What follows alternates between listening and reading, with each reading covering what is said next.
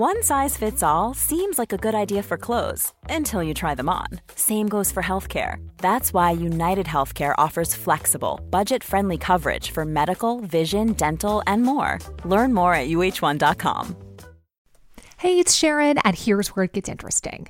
Raise your hand if you want salon perfect nails for just $2 a manicure. Yeah, me too. With the and June Mani system, you can say goodbye to expensive services that take hours and hours and love your nails more than ever. I would know I've been doing it for years. Get 20% off your first Manny system with code PERFECTMANI20 at oliveandjune.com slash PERFECTMANI20. That's PERFECTMANI20 at oliveandjune.com slash PERFECTMANI20. Hallå! Simon Gärdenfors heter jag och snart börjar min podcast Arkivsamtal. Podden ges ut i samarbete med Acast och med Mafia Comedy Club som ger er stand-up fem dagar i veckan i Stockholm. Mer info om det här hittar ni på mafiacomedy.se och på Ticknet. Lite grejer som händer nu snart. Fredagen den 13 februari så spelar jag med far och son på Babel i Malmö. Och 14 februari spelar vi i Norrköping på Where's the Music. Den 18 februari så kör jag stand-up med specialisterna på Babel i Malmö. På scenen ser ni mig, Mr Cool och Petrina Karlsson. Biljettrycket är väldigt stort på de här grejerna, så googla, köp biljetter, kom dit och titta så kommer det bli kul för alla. Förutom eh, de här giggen så kommer jag till Stockholm, Halmstad, Eslöv, Sunne, Gävle och Lund. Det är bara att gå in på www.gardenfors.blogspot.com så hittar ni datum och länkar högst upp på sidan under den översta bilden. Nu kommer Arkivsamtal med mig, Simon Gärdenfors.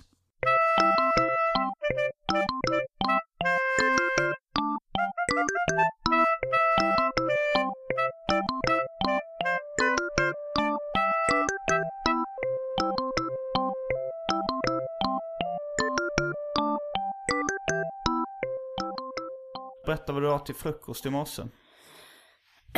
Jo, jag, ehm, jag åt resterna av en pad thai. Pad thai? Jag är ju Var det take away? ja, hos i Hornstull. Oj, ja. Just det. Så det är en väldigt dyr pad thai. Vad kostar den? 140 spänn. Var den värd priset? Ja, den har liksom kyckling, Mm. räka och tofu. Man behöver inte välja. Vad betyder pad thai? Eh, pad tror jag betyder nudlar. Thainudlar? Ja. Okej. Gai är soppa. Är inte gai kyckling? Är gai kyckling? Tom kha gai, soppa med kyckling. Pad thai gai.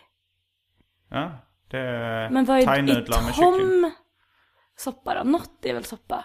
Tom är nog soppa då? Ja. Soppa med kyckling. Jag är inte helt säker, bara gissa här. Men det, det funkade väldigt bra som ljudtest. Hej och välkomna till Arkivsamtal. Mitt namn är Simon Gärdenfors och mitt emot mig sitter Maja Asperö Lind. Välkommen hit. Tack! Eh, var det länge sedan vi sågs? Jag tror det. Innan jul va? Jag har varit bortrest en månad också i Kambodja. Men nu är jag hemma. Du ser väldigt fräsch ut. Tack, betyder det att man är solbränd eller? Eh, ja, och så brukar man äta lite nyttigare när man är i Asien. Och det tycker Jaha. jag brukar synas på ens... Eh, Tycker kropp. du, tycker du jag ser smal ut? Ja men liksom fräsch. Ja. Det är alla de där, eh, alltså jag vet inte om du i och för sig är en sån som käkar typ en, en sån där steak sandwich till frukost bara för att man kan. Men, men den, alltså asiatisk mat generellt, man, det är väl fräschare? Känner du inte lite fräschare? Nej. jag har varit full varje dag en månad. Vad, var du, vad drack du när du var full? Eh, öl mest, men även eh, drinkar i stil med pina colada. Kanske en och annan, Hink? en hink med pina colada. Jag, hade, jag beställde faktiskt en hink en gång, eller en sån jug med pina colada vid något tillfälle. Vad är en jug?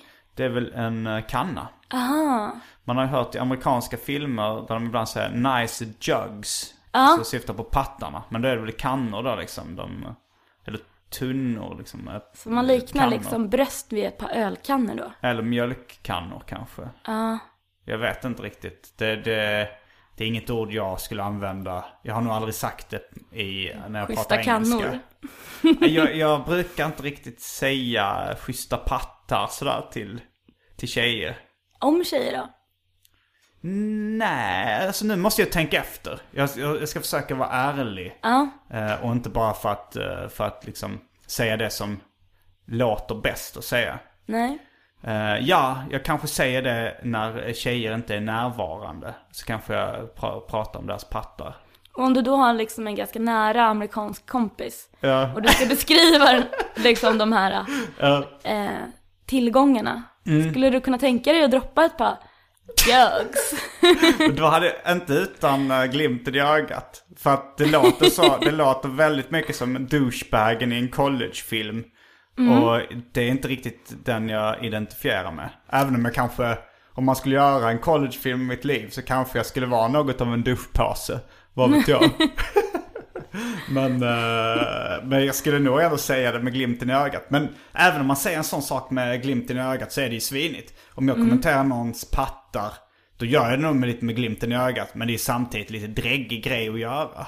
Ja, det är det. Eh, Men man måste ju också, eller någonstans, man måste ju ändå få någonstans få prata om någons bröst. Ja, jo det tycker jag man ska få. Men eh, det är inte alla som tycker det är så kul att, eh, att få sina, sin kropp kommenterad. Kommentera, nej. Men det är därför jag gör det bakom ryggen på folk och inte där rakt i deras ansikte. Men eh, vissa saker måste man ju kunna säga om folket och behöva säga det till dem. Jo, men eh, du är ju en sån som brukar ha tjejmiddagar. Mm. Eh, jag, jag har inga herrmiddagar, så jag vet inte hur, alltså så här. Mm. hur det går till riktigt. Men pratar ni då mycket om eh, folks kroppsdelar? Kanske eh, så här i sexuellt intresse liksom. Om ni då är, är hetero-tjejer så kanske ni snackar ni om killars kukar och sånt på tjejmiddagarna. Det kan väl hända. Ja, fast alltså. Det här kommer ju låta också som att jag bara säger rätt saker, men alltså en, en kuk är ju en, alltså, det är ju inte så jävla spännande. Nej, det är mer pung man är Ja, intresserad av som tjej. precis. Det där utrymmet mellan liksom röven. Vaggan pungen. eller vad det kallas. Eller vad, vad kallas det? Finns, mellangården finns ju. Finns det mellangård? Mellangården har jag hört. Eh, det är området mellan rövhål och pung. Mhm. det, det, bo- det finns väl på tjejer också fast mellan uh, fitta och rövhål. Ja. Vad kallar du Gård det? skulle man inte kunna kalla det. Nej men det måste ju ha något namn. Vad skulle du kalla det? Jag vet inte. Eh, enligt, jag hörde någon som kallade det för vaggan. När jag berättade för David Liljemark så sa han att filmen Handen som gungar vaggan från Blev helt ny. Och vagga någon till sömns. Eh, nej, eh, Nej men, ehm, nej, men det kanske... Men man pratar väl ändå lite på ett annat sätt än när det är blandad uh, kön. absolut. Eh, Men man tar ju tillfället i akt. Eh, Men, ehm, men alltså, det pra, alltså liksom storlekar och sånt, det är ju bara en, det är ju någonting som en, någon tidning har hittat på.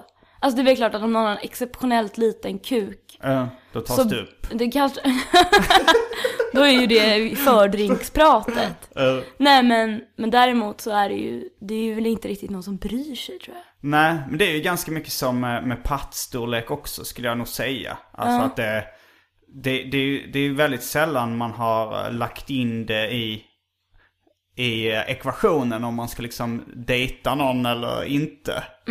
Så här, sen, kan man, ju- sen kan ju folk ha sina preferenser utöver det. Men det, det är ju, det känns inte som det är så viktigt. Nej. Nej, fr- framförallt, jag tänker hela 90-talet då när det kom sillisar. Det måste ju ha dödat det där lite också. Ja, att man kan fuska så. Ja, så. Mm. att då kan man ju ändå liksom, då är det ju då är det inte naturen som liksom leker med en längre. Vill man så får man. Har, du, har du bara haft någon tjejmiddag nyligen? Nej, jag har varit i Göteborg i, i en och en halv månad. Oj! Ja, I en och en halv månad? Alltså då, jag har varit borta från Stockholm i stort sett en och en halv månad. oj då har vi missat allt här. Jag, Eller vad- du har. Jag har missat allt. Nej, jag, har du också varit borta en och en halv månad? Ja, jag har varit där för jag var i Skåne först och firade helgerna. Här slänger Simon upp ett citattecken. Det är för att jag firade både jul och chanukka. Ah, Eh, fick du presenter i sju, fyra dagar? Vi körde faktiskt eh, att bara de minsta barnen fick presenter. Eh, Så jag, jag fick säkert något skit. Ingen kritik mot någon som gav mig present. Det var någon bok som flimrade förbi i min ögonvrå som jag fick. Men, men jag, jag har, kommer inte läsa den. Kan du inte ge den till mig? Det kan jag göra. Ja. Jag, men jag, har, jag köper så mycket böcker när, själv. Alltså på Adlibris eller på bokhandlar så. Så jag har en läshög från helvetet. som jag aldrig kommer kunna ta med igen. Om, om de, då någon slänger in någonting, ett wildcard där så är det väldigt låg chans att jag kommer läsa det. Den kommer hamna längst ner. Tråkigt. Vad är läshögen? Jag är så jävla sugen på böcker. Ja, när du eh, tittar bakom dig så ser du ju en... Oj. Det, Ja. mm. Du kommer ta upp på nästa eh, tjejmiddag vilken lång, Ja, vilken stor rejäl. läshög Simon hade hemma. Det kan man ju väga in i ekvationen. Det kan man. Ja. Lånar du ut de där böckerna till tjejer du dejtar? Det händer. Mm. Alltså så här, de, det är rätt många som jag har dejtat som vill läsa mina serieböcker. Mm. Och eh, jag, jag känner mig lite kluven till det. Till exempel Simons 120 dagar. där jag åker runt i Sverige och ligger med folk väldigt mycket. Ja. Jag tänker att det kanske inte är så kul varken för mig eller för någon jag dejtar att läsa en sån bok. Nej, jag kan förstå det. Och, men det är lite svårt att förklara också för man vill ju inte säga så här. eh, Nej men uh, läs inte den där boken. Det, det är en total knullfest från sida, från pärm Men- till pärm så att säga. Men slänger du inte bara död kompis på dem då? Jo. Då är du ju jättegullig i hela den boken. Det gör jag. men sen kanske de vill ha mer. Ja.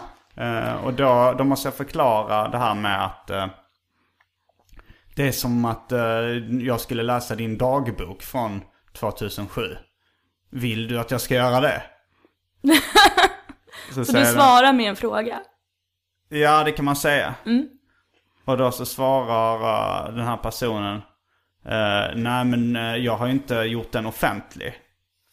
Då säger jag, men jag kan inte hindra dig från att läsa eh, Nej. den. Men jag kom- kommer inte hjälpa dig heller. Jag kommer inte ge den till dig. Men har det hänt, och jag tar för givet att det nästan måste ha hänt, men om någon du dejtar att du märker att den har läst den fastän ni inte har pratat om det? Jo, det, det har hänt också. För att, alltså, om det är någon som är intresserad, det är väl, folk har väl en tendens att kunna liksom, det är väl som att googla någon liksom. Jo, det kan man göra. Fast det är lite jobbigare. Alltså så här, nu, den här boken kom ju då 2008. Så den börjar bli lite gammal. Eh, det var ju kanske vanligare förr. Det här, är, det här är nog ett problem som väldigt få kan relatera till. Att man har publicerat en, en, någon slags knullbok som finns där ute. Och man tycker det är pinsamt att... eh, jag tycker inte det är så. Alltså ibland, ifall folk har samma humor Men är det att du skäms du för den? Alltså, det, jag vet inte, jag står väl för det jag har gjort eftersom jag har ju publicerat och jag tycker fortfarande den är bra och underhållande. Men jag hade nog helst velat att totala främlingar läser den bara. Och inte folk jag känner, kanske vissa kompisar som liksom tänker och känner på samma sätt som jag. Men eh, jag vill ju inte att min mamma ska läsa den liksom. Men det har hon gjort och, och hatar den. och eh, nej, men det är, det är lite som att, eh, alltså så här, skäms, du kanske skriver, har skrivit dagbok under perioder. Mm, ja, nej men jag, jag kan ju förstå hur det är att göra det. Jag skulle ju med helgondagböcker skrev jag väl lite grann. De vill jag ju, alltså de har jag fan fa, det är typ som att man vaknar upp mitt i natten och bara, den där gången jag skrev det där jävla inlägget om att man kanske ska ha en öppen relation. Alltså, dels språket gissar jag var fruktansvärt. Men också så här, vad var man för någon? Ja, nej men jag, jag är nog ungefär samma person som jag var då. Det, det vill säga något av ett rövhål kanske. Men, eh, eller ja, både och. Jag är en mångfacetterad eh, man. Men, men samtidigt så är det ju så att... gjorde ju jag, den som något experiment också. Ja, och eh, sen är det väl också så att jag tar upp de grejerna som jag tycker är pinsamma i den. Som så här när jag eh, onanerar på en toalett till exempel. Eh, och, och det är ju pinsamt så jag, jag känner ju eh, någon form av skam. Även om jag har vant mig vid det nu när jag har tecknat den så här. Men jag, jag väljer ju att ta med sådana grejer för att det är något pinsamt för att framkalla någon slags komisk eller igenkännande effekt eller någonting. Och, men, men det är ju, det tar ju lite emot att så ah, nu- när man precis träffat någon som, eh, som man är intresserad av så ska man visa sina toalettrunk och slappa Ja. krogragg. Och sunkgrejer liksom. Det, Framförallt om du är typ ganska peppad på någon måste det vara skitjobbigt. ja, det, det är jobbigt i alla sammanhang. Nej men om man ändå vet om det, liksom, om det är någon som är mindre viktig måste det vara mindre jobbigt. Men om det är så att du typ blir förtjust i någon, vill imponera, vara liksom, bjuda till. Jag kanske kan skrämma, om jag, om jag tröttnar på någon kanske jag kan skrämma bort dem med. För sånt brukar ju sparka bakut. Det brukar, när man försöker bli av med någon brukar ju det bara, eh, då brukar ju folk bli mer Ja, intresserade. verkligen. För då tänker de, vad är det här för speciell och bra människa som har råd och var så här. Ja, eller så tänker de så här, ja, eller jag har alltid tänkt att det här, tänk, att människor som blir mer intresserade av en desto jobbigare man är och desto mer Mm. ointresserad man verkar är för att då vet de innerst inne att man skiter i dem och de kommer aldrig behöva ta ansvar för sina egna handlingar heller i relationen för att man kommer aldrig värdera dem. Nu hängde jag inte riktigt med. Jo, Alltså, men om du liksom, om du dejtar någon som du blir jätteförtjust i för att den skiter i hur du är egentligen, för Mm. att den inte är intresserad. Då tror jag att det egentligen bara handlar om att man själv känner så här, jag kan vara mig själv, för den här människan kommer aldrig värdera mig. Det- den är så ointresserad. det är en intressant tanke men jag tror verkligen inte att det är så. Tror du inte? Nej, det tror jag inte. Alltså, det, det har ju hänt mig också att jag har varit mycket mer intresserad av eh, ett romantiskt intresse än vad det romantiska intresset har velat ha mig liksom. Ja. Men då kanske jag blir lite mer intresserad. Men då, då är det nog för att jag tänker att den personen, alltså undermedvetet tänker jag nog den här personen är väldigt mycket värd. Den har råd att skita i mig liksom på något sätt. Den, den, eh, den är ute efter bättre saker. Då, tänk, då liksom förhöjs min bild. Jag har nog aldrig tänkt, fan vad skönt, nu kan jag vara mig själv, det vill säga ett rövhål. För att eh, den här tjejen skiter ändå i mig. Då försöker jag, alltså så här, tyvärr försöker jag nog ändå liksom anpassa mig lite även om jag vet att det är fel eh, väg att gå. Ja, nej men absolut. Men jag tror att man ändå någonstans kan slappna av med personer som skiter i en. Och då blir man också mer så här. jag är så peppad liksom. Här är jag, jag ger allt. Liksom, jag, får in, jag får extremt lite feedback, det är skönt. men jag tycker ändå liksom, ja, jag, jag, jag tycker ändå att många gånger när man har varit, framförallt den som har varit mindre intresserad, så har man känt så här, du, ja, du gillar ju bara mig för att jag är så blasé vad du än gör. Nu blir det så många varv i det här. eh, så du tänker att du dejtar någon som är mindre intresserad och den personen gillar dig för att du skiter i den personen. Alltså det är Nej, den gillar, inte mig, den gillar mig liksom mindre och mindre. Den är väl antagligen Aha. på väg bort. Mm. Men att man själv gillar att man får vara den man är. För att man får aldrig någon så direkt feedback på vad den tycker är bra eller dåligt med en själv. Men det, det har jag nog aldrig varit med om. Att någon som är ointresserad ändå går med på att jag hänger hemma Mm. hos den personen. Eller, då, då är det mer att folk inte svarar på sms eller... eh, Alltså så här, det är nog väldigt sällan att någon... Dra på det. Ja, nej men det har jag väl varit med Alltså så här, det, det är mer längre relationer som har blivit eh, sura. Mm. Att man, så här, man märker så här, okej. det här är inte en bra relation. och, och liksom det här är nog bara av gammal vana vi hänger ihop. Mm. Eh, mer än att man tänker så här, ja vad skönt att eh, du skiter i mig. Ja, ja nej, men jag förstår. Jag tycker ändå att det känns som att mycket folk hänger utan att... Alltså, kompisar har liksom dejtat folk i flera månader utan att det blir något och sådär. ja, Men, men att man kanske inte ses så himla ofta. nej. Tycker du det är fel? Jag vet, nej jag tycker det verkar tråkigt. Att inte ses ofta? Eller att, att liksom dejta någon utan att det händer något. Jag vill ju gärna att det ska hända saker hela tiden. Hända saker som att man blir ihop. Ja, och- eller bråkar, eller reser vill- bort. Nej, jag vill inte bråka. Tända till du? direkt. Ja, men, Nej, men det- att det, det- händer det- någonting. Men vill du att det ska vara ett bråk? Alltså så här, kan Nej, men jag, jag, bättre för, jag föredrar ju ett bråk än att man ses i fyra månader och sen så dra, dör det ut.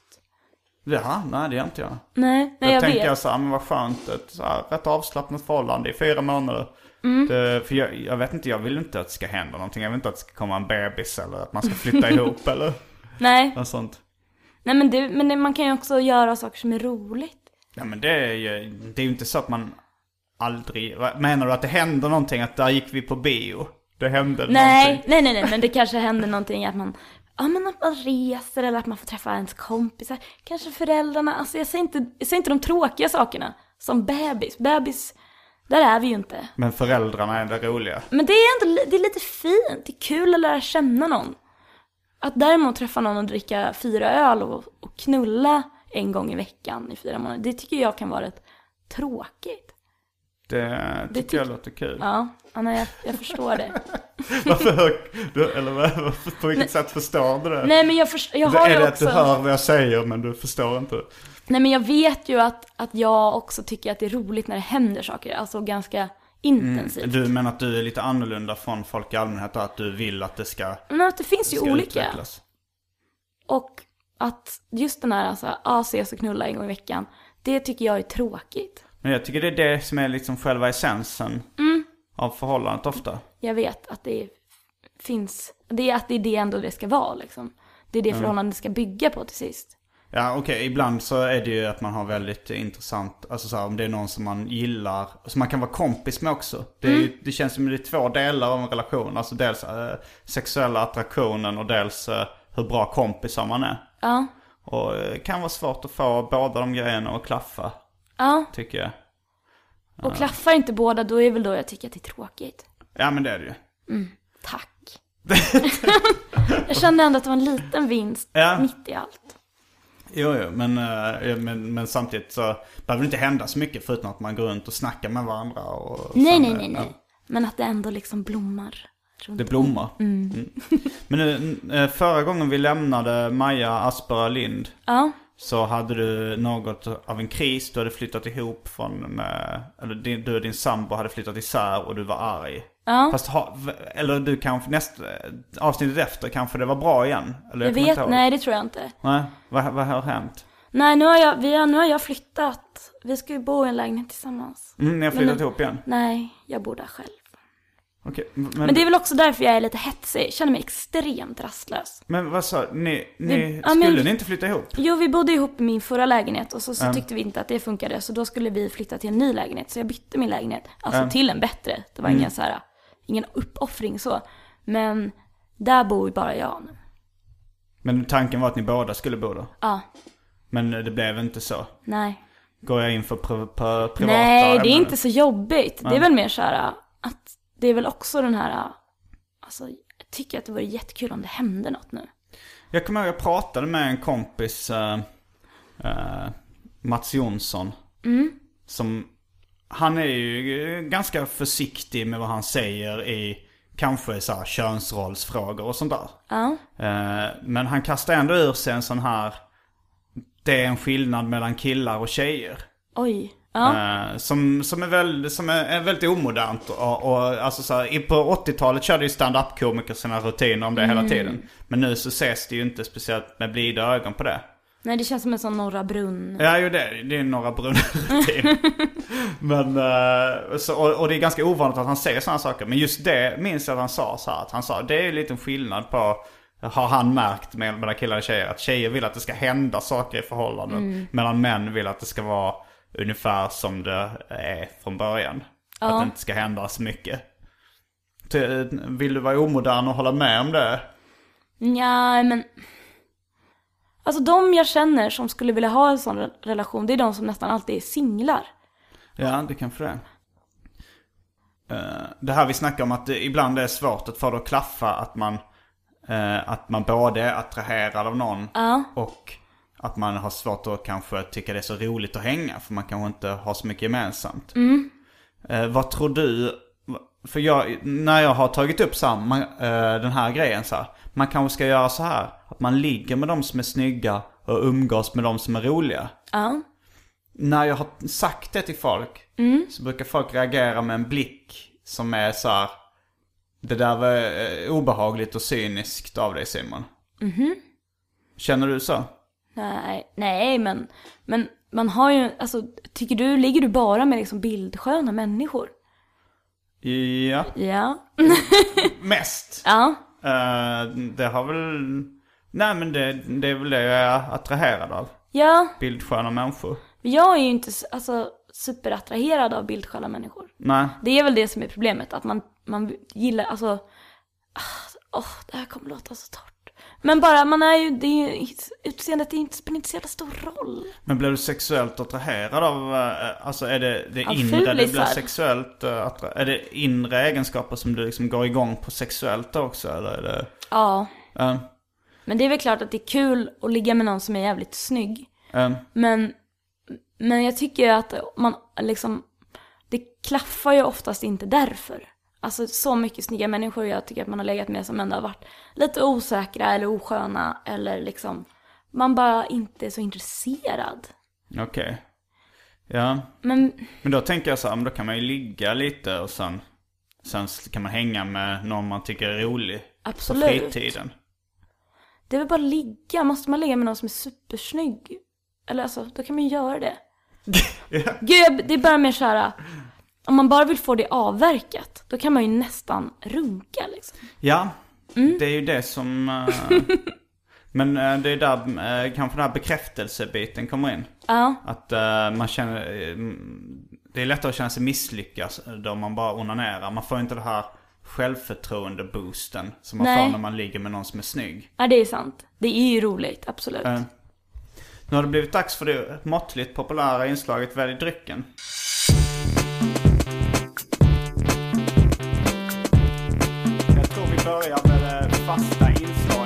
Välj drycken! Du hörde att jag tvekade där. Måttligt. Men började nästan gråta. Att det var ganska kul en gång i tiden. Eh, Då har vi Pepsi Max Baileys. Drinken Hawaii Grape Club. Som består av passoir-likör, Malibu-likör och grape juice. Grapefruit juice. Sen har vi för tråkmånsar nejsägare vatten. Vad väljer du, Maja Asperlind? Alltid Baileys. Alltid Baileys. Jag älskar att du alltid har Baileys. Ja, det är, det är därför jag har det. För att jag själv också älskar att ha Baileys i kylen och dricka det, dricka det i sängen ibland. Hur, eh, hur tycker du om de här Baileys? Det finns ju olika nu. Mint och choklad och toffee. Toffee eh, Nej, jag, jag har nog bara smakat, eh, bara smakat originalet. Eh, Fan Simon, jag kom på en grej jag måste berätta för dig nu. Innan vi tar upp Baileys, eller ska vi suga på den karamellen och sitta med ett glas Baileys, varsitt glas Baileys och du berättar den saken du kom på? Ja. Okej. Då är vi snart tillbaks med Baileys. ACAST powers the world's best podcasts. Here's a show that we recommend.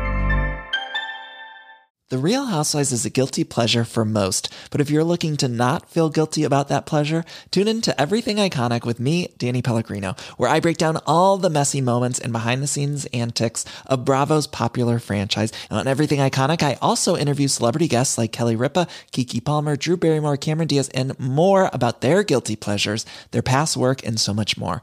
So if you're pop culture obsessed and find yourself watching way too much reality TV like me, tune in to Everything Iconic with Danny Pellegrino wherever you listen to podcasts. ACAST helps creators launch, grow, and monetize their podcasts everywhere. ACAST.com.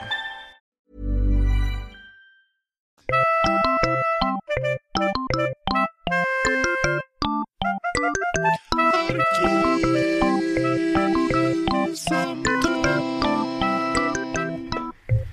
lämnar vi lyssnarna något av en cliffhanger. Det var någonting som Maja behövde. Som, hon lät lite entusiastisk på rösten när hon sa att vi- du skulle berätta någonting för mig. Jo då, men eh, den här podden. Så jag fattar- Arkivsamtal. Arkivsamtal. Jag förstår ju aldrig riktigt att någon lyssnar på den. Inte för att den inte är bra, men för att man själv medverkar. Ehm, Och då tänker man ju att det, det går ut i rymden. Men, Mm. och så liksom när jag blev ihop med min kille då, då började ju han lyssna på den och det var ju fan ganska han konstigt. började lyssna på den på grund av dig då. Ja, precis. Att jag länkar väl den på Facebook. Och verkligen, ja men precis när vi blev ihop också så var, berättade ju verkligen om att jag hånglade med andra och sådär, inte samtidigt så men Menar du samtidigt som Nej men det gjorde jag faktiskt inte. nej, men, nej, men, Men- du, hade, du berättade med mycket så här, eh, ja men krogragg-historier och liknande. Eh, och eh, nu så satt jag där på julmiddag hemma hos dem i Strängnäs i en jättefin Mm. villa. Och hans mamma droppar då såklart.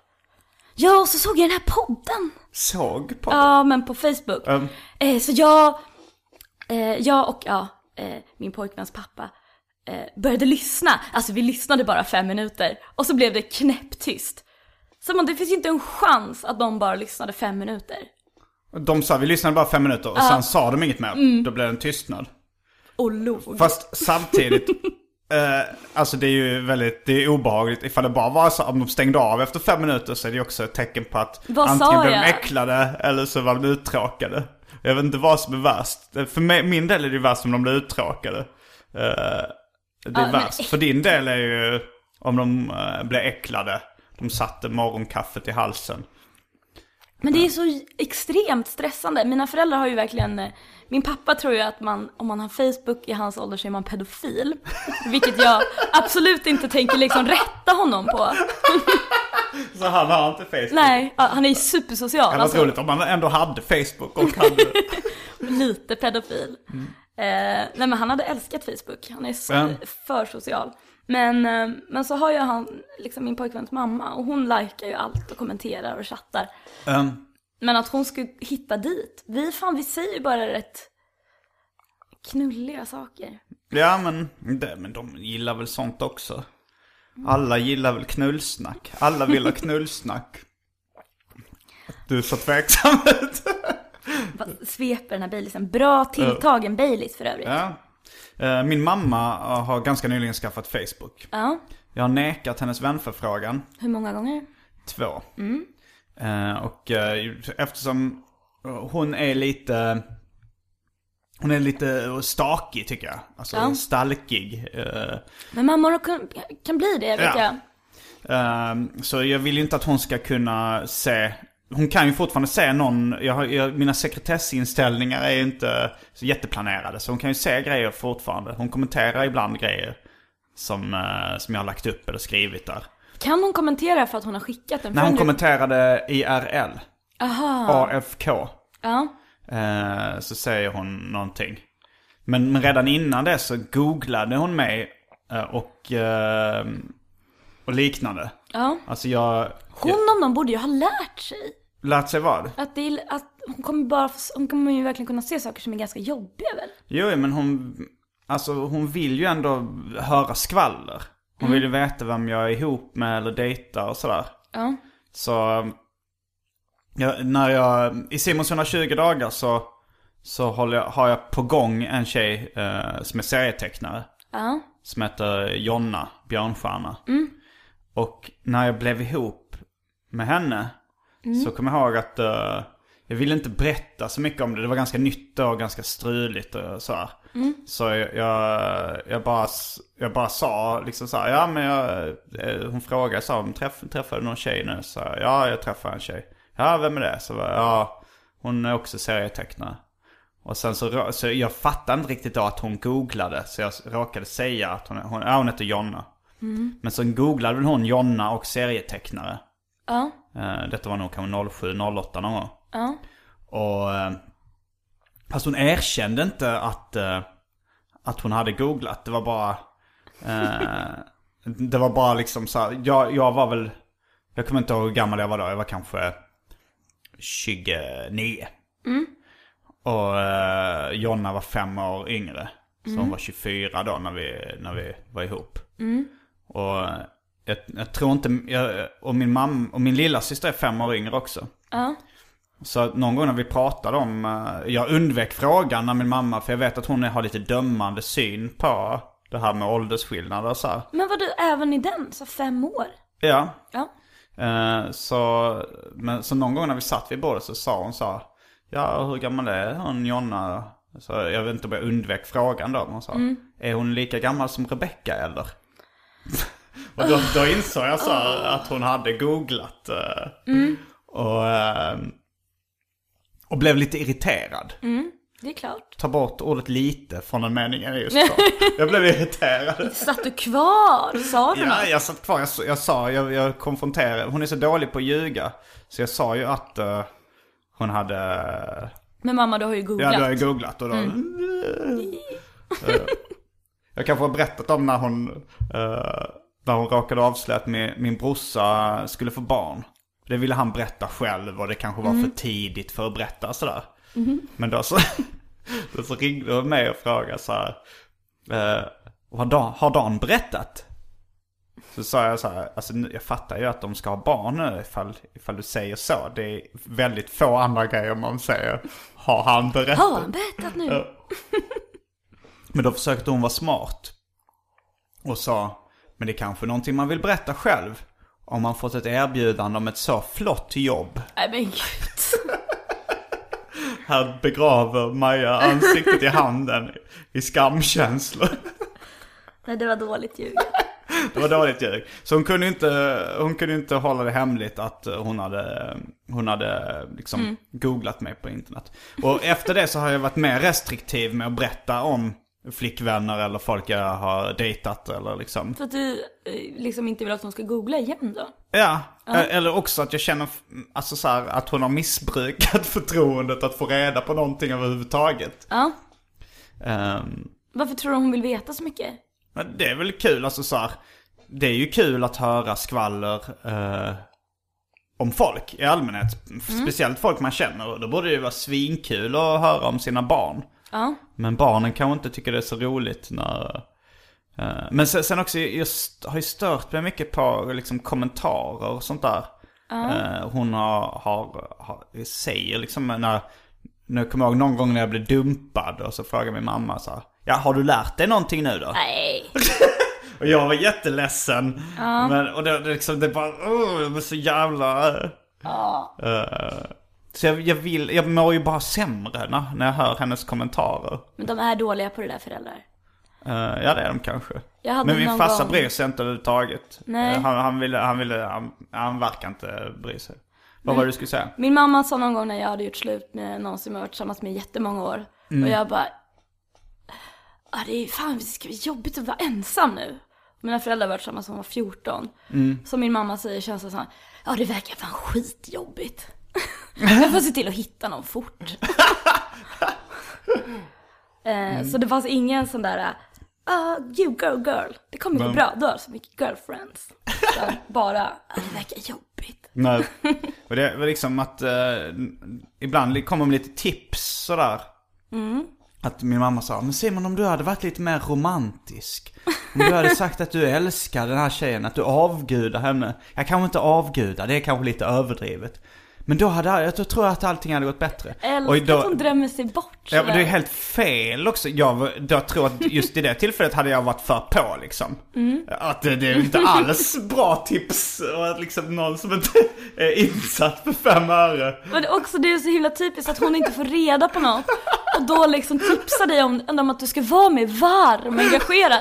Fast hon vill ju bara att du ska vara det mot henne. Tror du det? Ja, det är klart. Ja, att hon bara, åh tänk om han sa att han älskade mig och berättade vad hon hette så jag kunde googla. Jag tror, jag tror med hon tänkte så här. Hur vill jag att någon jag är kär i ska vara? Jag vill att de ska överösa mig med vackra ord. Ja, det är extremt verklighetsfrånvarande. Bara en sån där, det verkar mysigt. Mm, Ja, så så nu nu- säger jag väldigt lite om, eh, om mitt kärleksliv. Eller mitt, eh, ja, sexliv kanske jag aldrig har varit speciellt öppen med. Men det tror jag bara är sunt. Ja, det är det. Pratar du sex med dina föräldrar? Nej, gud nej. Det, gör, gör folk det? Ja, det gör de. Det gör de. det Jag vet faktiskt. inte, ja det gör de. Nej, alltså Lite aldrig. knullskryt vid middagsbordet. Jag kommer ihåg när jag skulle sova över hos min pojkvän i högstadiet första gången. Mm. Och min pappa sa så här, fast du får inte det. Nej. Och jag bara, varför inte? Och det här är typ det närmaste vi har kommit att prata om sex liksom. Han bara, för man får inte det. Jaha, de hade inget bra. Det var inte det att du kan bli gravid eller könssjukdomar? Nej, nej, nej, alltså aldrig. Men det var, tror du att det var det som var tanken eller att de bara var låsta i gamla eh, moralnormer? Vadå att jag, nej men de ville väl att de, att, liksom, de ville på något vis säga att de inte var pro att jag skulle börja knulla i sjuan. Varför ville de inte det då? Nej, för att de var väl, jag vet, för man, ja. Du måste tänka igenom det här. Om du någon gång ska få barn så måste du ha bra argument. Varför får de inte knulla i sjuan? Eh, jag hade gärna knullat i sjuan om jag haft möjlighet. Men jag fick tyvärr inga erbjudanden om det. Ja, nej, men jag vet, nej, men det är väl kanske, jag tror mest att det anses kanske som slappt som förälder att släppa iväg någon och alltså såhär, ja, den där, där vill man ha ett Asprey you go Lind får girl. sova borta. Fast hon är nog 13. Det är väl då de ska vara lite såhär, sätta lite, vara hemma ett. Jag vet inte riktigt. Jag, ska, jag, man kanske kan sätta samma... Om vi, om vi nu gemensamt i samhället kommit överens om 15-årsgräns. Då kanske det är det som vi ska hålla oss till. Men du kan inte vara 15 i sjuan, jag vet inte. Man 13 då tror jag. I sjuan? Vad gamla vi kändes. Sju alltså, 13. Oj. Ja, Men, eh, men så jag har ju nekat min mamma eh, vänskap på Facebook. Ja. Och även min pappa för att det ska bli rättvist. Men det konstiga är ju att jag är kompis med polares föräldrar. Det känns ju lite märkligt då. Men har du någon som, som är din favorit på Facebook? någon, någon favoritförälder? Ja. Alltså jag tycker ju Agneta Munkhammar Mm. är ganska rolig. Det är Herbert eh, i eh, Ansiktet och Maskinen. Men hon är väl ganska rolig Hans jämt? mamma. Hon är rolig och hon kommenterar väldigt mycket på eh, Facebook. Mm. Men, men det är rätt intressant när någon väljer, alltså så här, jag, jag tänker på Beverly Hills, tv-serien. Mm. Där föräldrarna ändå hade en central roll och var med och liksom, de snackade lite relationer och var lite ett del i gänget sådär. Det, det är ändå ganska eh, mycket pungkulor av en förälder att, att ta den rollen. Liksom. Att Verkligen. känna så jag är så ball att jag kan, att jag kan eh, ta den platsen i liksom mina barns liv och deras kompisars liv. Ja. Eh, det, det tror jag inte riktigt mina föräldrar skulle våga. Även om kanske, min mamma skulle nog vil- vilja det. Tror jag. Min mamma skulle nog vilja vara en i gänget. Tror du att hon kan titta på Agneta Munkhammars Facebook och tänka så här: varför inte jag? Jag tror inte hon, alltså jag, jag tror inte hon eh, känner till, alltså så, hon säger, Mm. eftersom hon inte är kompis med mig så vet hon nog inte riktigt vem det är. Nej. Men hon verkar ganska så intjoffad i ganska många människors liv helt enkelt. Ja, men hon är väldigt social och Mm. rolig. Jag bodde ju bland annat eh, en tid hos henne i, under Simons 120 dagar-resan. Vad gjorde ni? Det var inget sexuellt kan Nej. jag kasta in. Jag vet inte om det var det som din, vad gjorde ni? Nej men det hade jag nog hört om i sånt fall. Ja, det kanske det hade.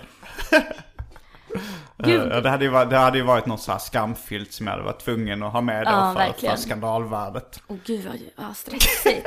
Skönt att det inte blev så.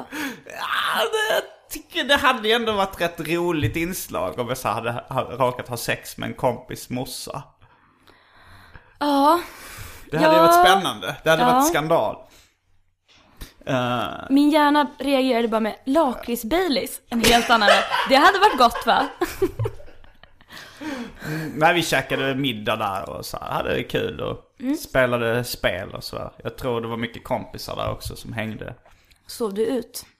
Ja, det tror jag. Mm. Träffades vi mycket under den här resan? 120 dagar? Ja, det gjorde vi någon gång. Vi träffades en del, men det var ju under den perioden då vi ändå sågs ganska ofta. Ja. Jag har även minnen av när du kom hem. Det här Ja. kanske inte vi har pratat om innan. Men Nej. att du, ehm, att du var ganska, förväntade dig ganska mycket. Du var ju mycket hemma hos mig och, och Frej då. Ja. Och att vi märkte mycket att du förväntade dig att det skulle finnas till exempel mat och alkohol. och att vi förstod att det måste vara för att du var ute på den där resan. Ja, Men det var mysigt. Jag, men jag har starka minnen av när jag står på systemet och att jag liksom lägger i en flaska vin till, för Simon kommer. ja. Man ville väl kanske att du skulle få en nedlandning från att mat och alkohol det på kanske plats. var så. Det var någon som, eh, en, en kompis som sa att när, när under resan och i anslutning till så var jag ganska tjock och otrevlig och Mm. dryg. Det var det! Eller du var liksom, du var ganska, ja men du var ganska krävande på ett ledset sätt. Och nej men du låter mycket värre än vad du var. Ja, jo, men tjock och dryg var också, men du var liksom, det var som att du fick mycket och inget var kul. Jaha. Alltså du, du, du uppskattar dina vänner liksom. Men Ja. hela den här så här. Du var så, va- var så van vid att folk hela tiden ville prata med dig. Ja, Att du var ex, kunde vara extremt liksom osugen på det. okej, ja. Jo, det... Alltså vi, du pratade ju, men det var väldigt så här. Det var ändå mycket så här, jag vill vara, alltså. Ja men dryg antar jag att du kunde uppfatta som. Ja, jo men det, det, Det har jag ju förstått att jag, att jag var. Det kan ju även få, alltså, komma på mig själv med att vara även nu för tiden ibland. Kanske lite otrevlig, lite dryg, lite tjock. Ja, nej men, nej men det var väl, men sen började jag väl typ så skriva boken och du Mm. började väl, alltså, du började väl röra på det och sådär. Det var Ja. väl bara precis där att du gick in i någon så efter, efter 120 dagar små depression. Kan man Ja, kanske inte kanske. kalla det. Ja, det var nog det också det här att det här förhållandet med Jonna tog slut och att eh, jag mådde rätt dåligt över det. Det var väl en pusselbit i det. Men sen är det nog sant också att jag var van vid i flera månader bara så här att folk gav mig uppmärksamhet, mat, sprit och droger och sex. Och men Och också att jag typ liksom blev förväntade dig... bortskämd. Ja. Blev en bortskämd tjock 12-årig pojke.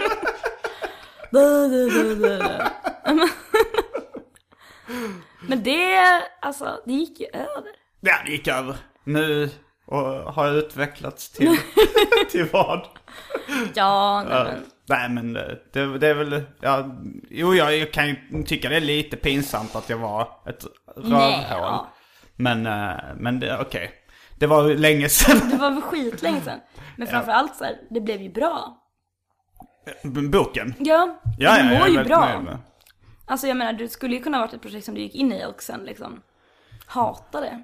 Ja, nej men det blev ju, en, det blev ju på något sätt också mm, något av mitt genombrott liksom. Det känns som att innan den boken så kunde jag inte försörja mig på underhållning. Nej. Men efter den så kunde jag det. Ja. För att det ledde till liksom massa uppmärksamhet och olika grejer. Det, jag har lyssnat mycket på Kevin Smiths eh, podcast. Smodcast. Och då så, han, han slog igenom med eh, sin debutfilm Clerks. Och han liksom brukar prata om sitt liv eh, eh, BC, alltså som en parodi på före Kristus. Alltså så här, före Clerks så var hans liv så väldigt annorlunda ut. Det är inte riktigt så dramatiskt för mig, men det var, det är ändå liksom en, en brytpunkt i mitt liv. Och det var väl att jag, jag offrade ju lite på det liksom. Att eh, jag gjorde ju ganska mycket pinsamma grejer som jag, som jag skildrade.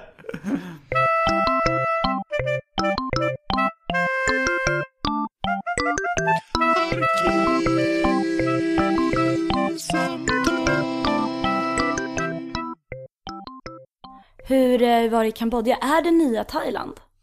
Det blir mer och mer som, som Thailand. Ja. Det vill säga mer och mer turister. Men det är, det är lite sunkigare. Det är lite mer, du har ju varit där själv. Vi har till och med varit där tillsammans. Ja, precis. För Första, jag... gången, eh, första gången jag var i Kambodja var med, med dig. Vi, vi bodde delvis i, när vi var i Kambodja bodde vi delvis i eh, Phnom Penh och delvis i Serendipity Beach. Där har jag varit innan. Men det var mindre fest på stranden på Serendipity Beach än tidigare år. Folk sa att folk åkte ut till öarna. Men vi åkte aldrig till någon ö, så jag vet inte hur det var på öarna. Nej. Vadå, finns det öar i Kambodja nu ändå? tror där, man, det. där man bor liksom och festar? Det kanske är så. Ja, vi var inte där. Vi jobbade ganska mycket. Vi eh, spelade in musik och en video. Ja. Så, eh, så det var inte så... Det är klart man var ute och söp lite på kvällarna och var på någon liten minifestival på något fält och stod och dansade och sådär. Ja. Men eh, det var, jag, jag har aldrig upplevt det här full moon party, part, liksom Nej. party-livet. Jag har ju varit på massa sådana. Mm. Eh, och det är ju aldrig kul så jag har inte missat något. Men man, jag är också men jag är extremt nyfiken på, jag är alltid extremt nyfiken på, vad gör ungdomarna istället? Och, eh, men då är kanske en ö på Kambodja där de står istället. Det kanske är så. Men eh, jag tror fortfarande det är partyöar i, i, eh, i Thailand som är det stora. Ja, Är du, spelar du mycket skivor fortfarande? inte alls. Har du medvetet slutat med det? Ja, eller? absolut. Varför det? För att jag lyssnar bara på jättelugn elektronisk musik. Det känns lite mer som att du har eh, hamnat i vuxenlivet än vad jag har. Ja men jag är ju peppad på det Simon. Du är Verk- peppad på Ja, vuxenlivet? jättepeppad. Hur känner man sig peppad på vuxenlivet? Men jag tror att det är sen jag började käka Ritalin. Mm. Alltså då blir man en, liksom, Vad- fick du en ADHD-diagnos? Mm. Var det länge sedan? ja kanske två, tre år sedan. Okej. Snart tre. Och då när man äter det så blir man ju onekligen inte lika peppad på att supa. Nej, jag hörde om hur, hur det funkade. Alltså, jag kan ju dra, du vet ju säkert det, men jag kan ju dra det för lyssnarna. För det kom som en liten nyhet för mig. Att eh, folk som är, normala eh, har ett ganska eh, konstant flöde av tillfredsställelse. Eller får små, liksom, tyck, uppskatt, tycker saker är ganska kul och ganska peppande. Eller så. Men folk med ADHD tycker saker är kul.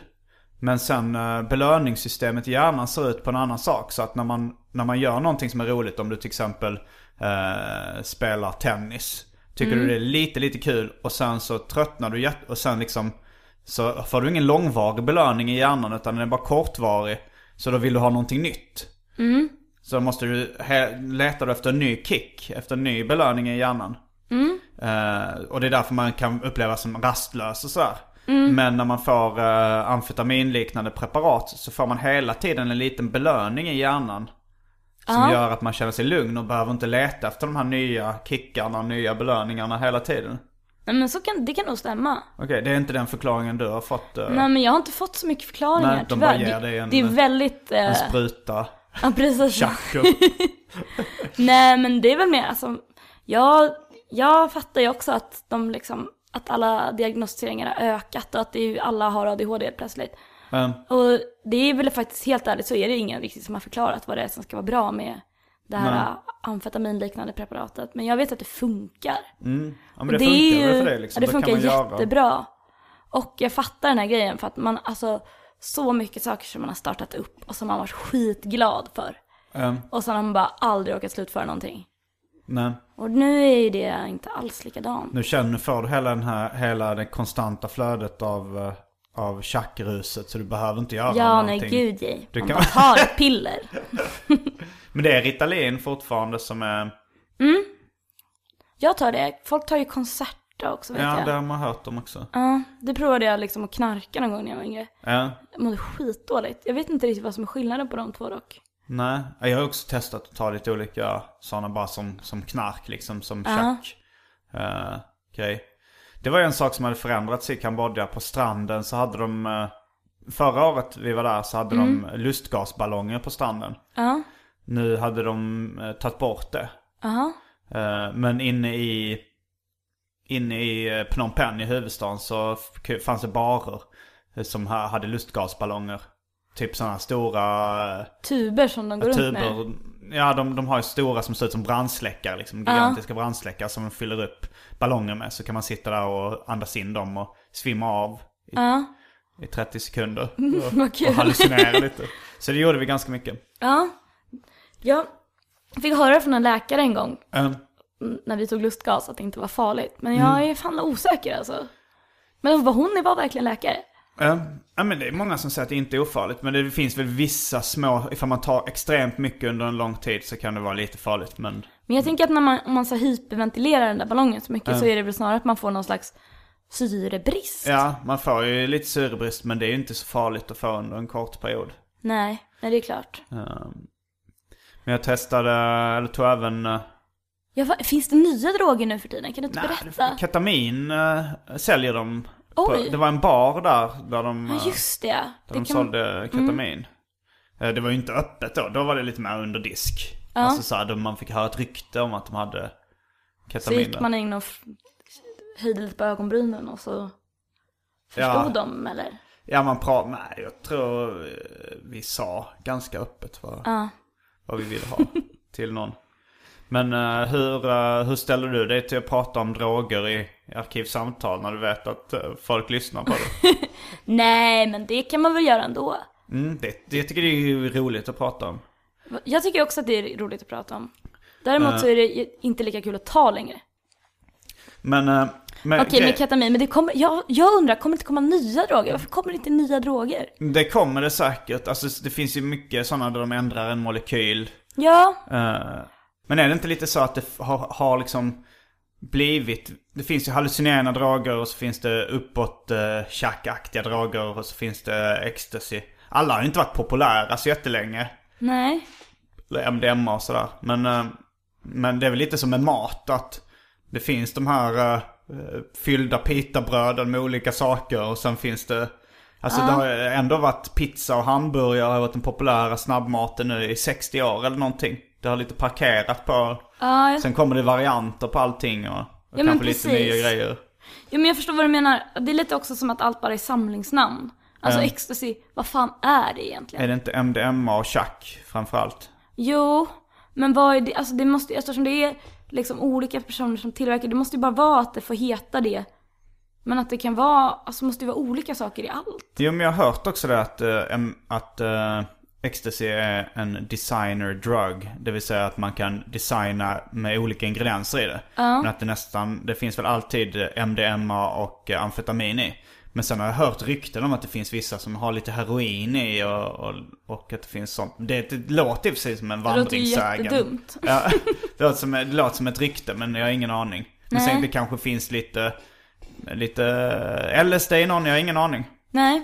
Vad hade du kört ner i din ecstasy? Jag gillar väldigt mycket hallucinerande droger egentligen. Ja. Men sen har jag fått dåliga trippar på det.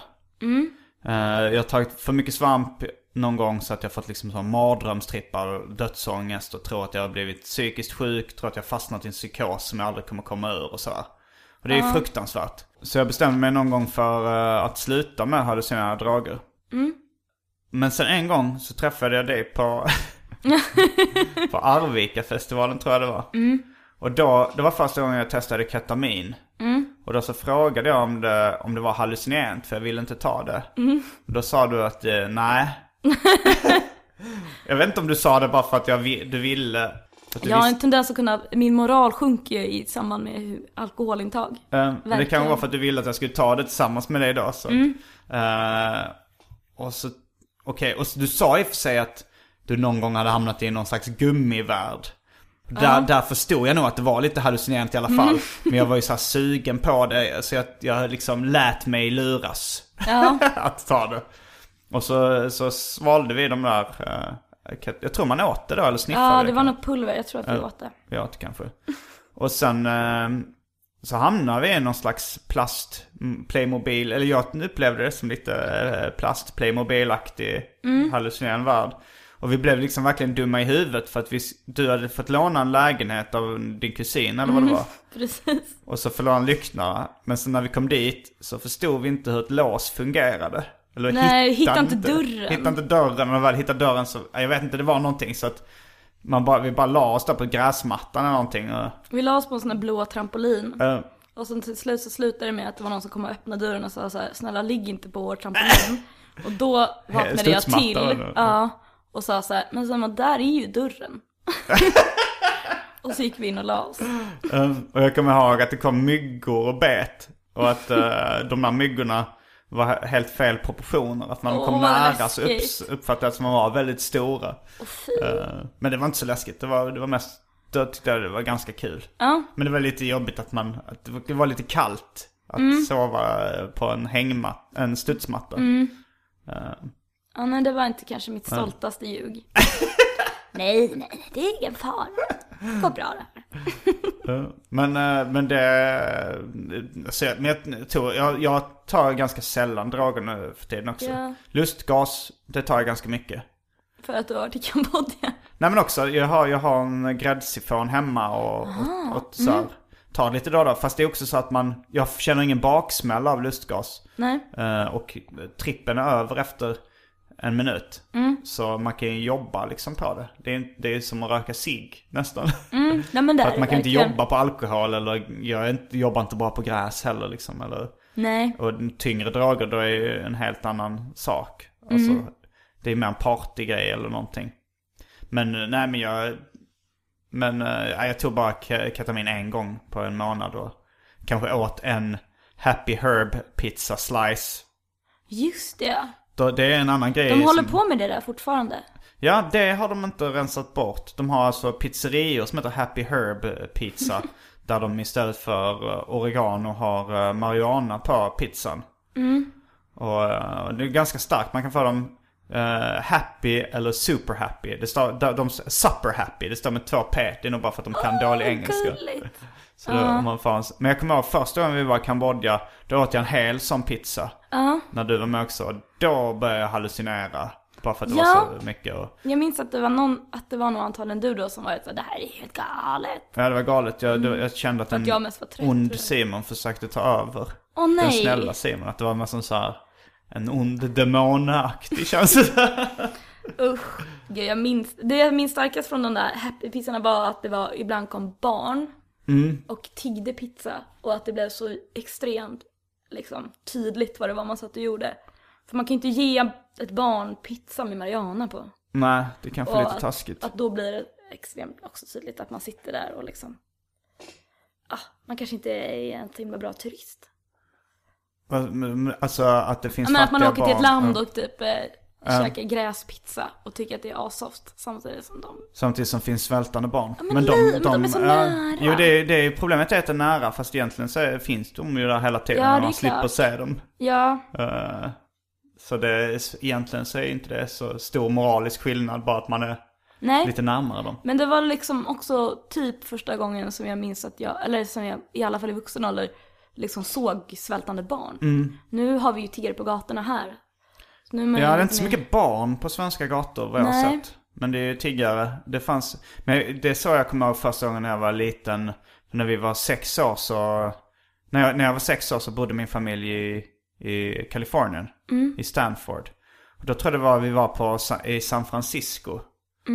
Och då så var det barn på gatan som sålde vitlök av någon jävla anledning. Alltså så här kransar med vitlök. Ja.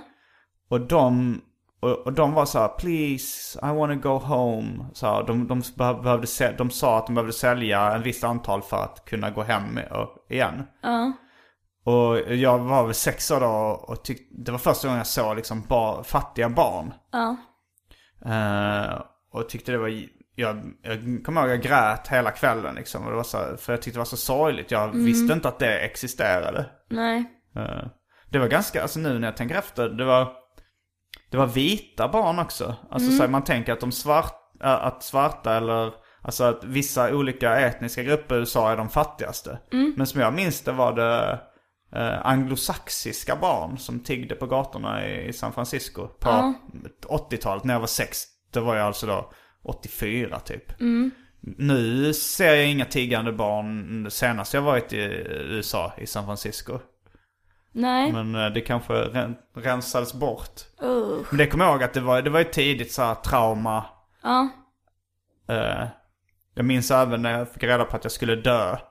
Nej. Jag hade, då var jag, eh, när jag var liten så gick jag i affären. Jag- liksom, det, det, det är ingenting man berättar jättetidigt kanske för barn direkt så här. En, en dag kommer du Nej. dö. Men jag tror jag svår? frågade om, jag bara frågade om det så här, så Jag var på Ica Blombergs i Hjärup med min mamma. Och så frågade jag om uh, någonting om döden och så kom det fram då att även jag skulle dö en dag. Och då började, jag fick jag panik och började skrika inne på Ica så här, Jag vill inte dö! Mamma jag vill inte dö! och mamma kommer jag ihåg hon berättade att hon tyckte det, var att folk tittade på oss som att jag hade fått en cancerbesked eller något sånt Ja, där. såklart. Att det var det men... Men det var ju, det var ju ett sånt liksom traumatiskt uppvaknande. Men det var ganska mycket i USA när de också, när de berättade tidigt så här i tunnelbanorna och sånt där, eller jag tror vi skulle åka tunnelbana. Ja. Eh, att man inte fick följa med vuxna och sådär liksom. Det var nog första gången jag hörde om fula gubbar och, och sådär, att jag skulle akta mig för det. Det kommer jag att jag blev också jävligt äcklad av. Alltså man, man blir, alltså när, när, när de, de vuxna, de ska berätta det för barn, de går ju väldigt försiktigt fram. Ja. eh, för det mesta. Men jag kommer ihåg när jag väl fick en liten, bara ett litet, eh, en vindpust av vad det var liksom. Så bara, "Vad- i helvete är det här? Vad, Åh blev- fy! Vad hemskt! Vad är det här egentligen? Ja, jo. Men man, man eh, växer upp lite i en skyddad verkstad och det kanske är bäst för barn på något sätt. Att inte få all världens eh, obehag och ondska serverad i ansiktet direkt. Jag vet inte. Nej, gud jag kan inte minnas någon, alltså, Du minns inte när du fick reda på någon av grejerna? nej. Nej.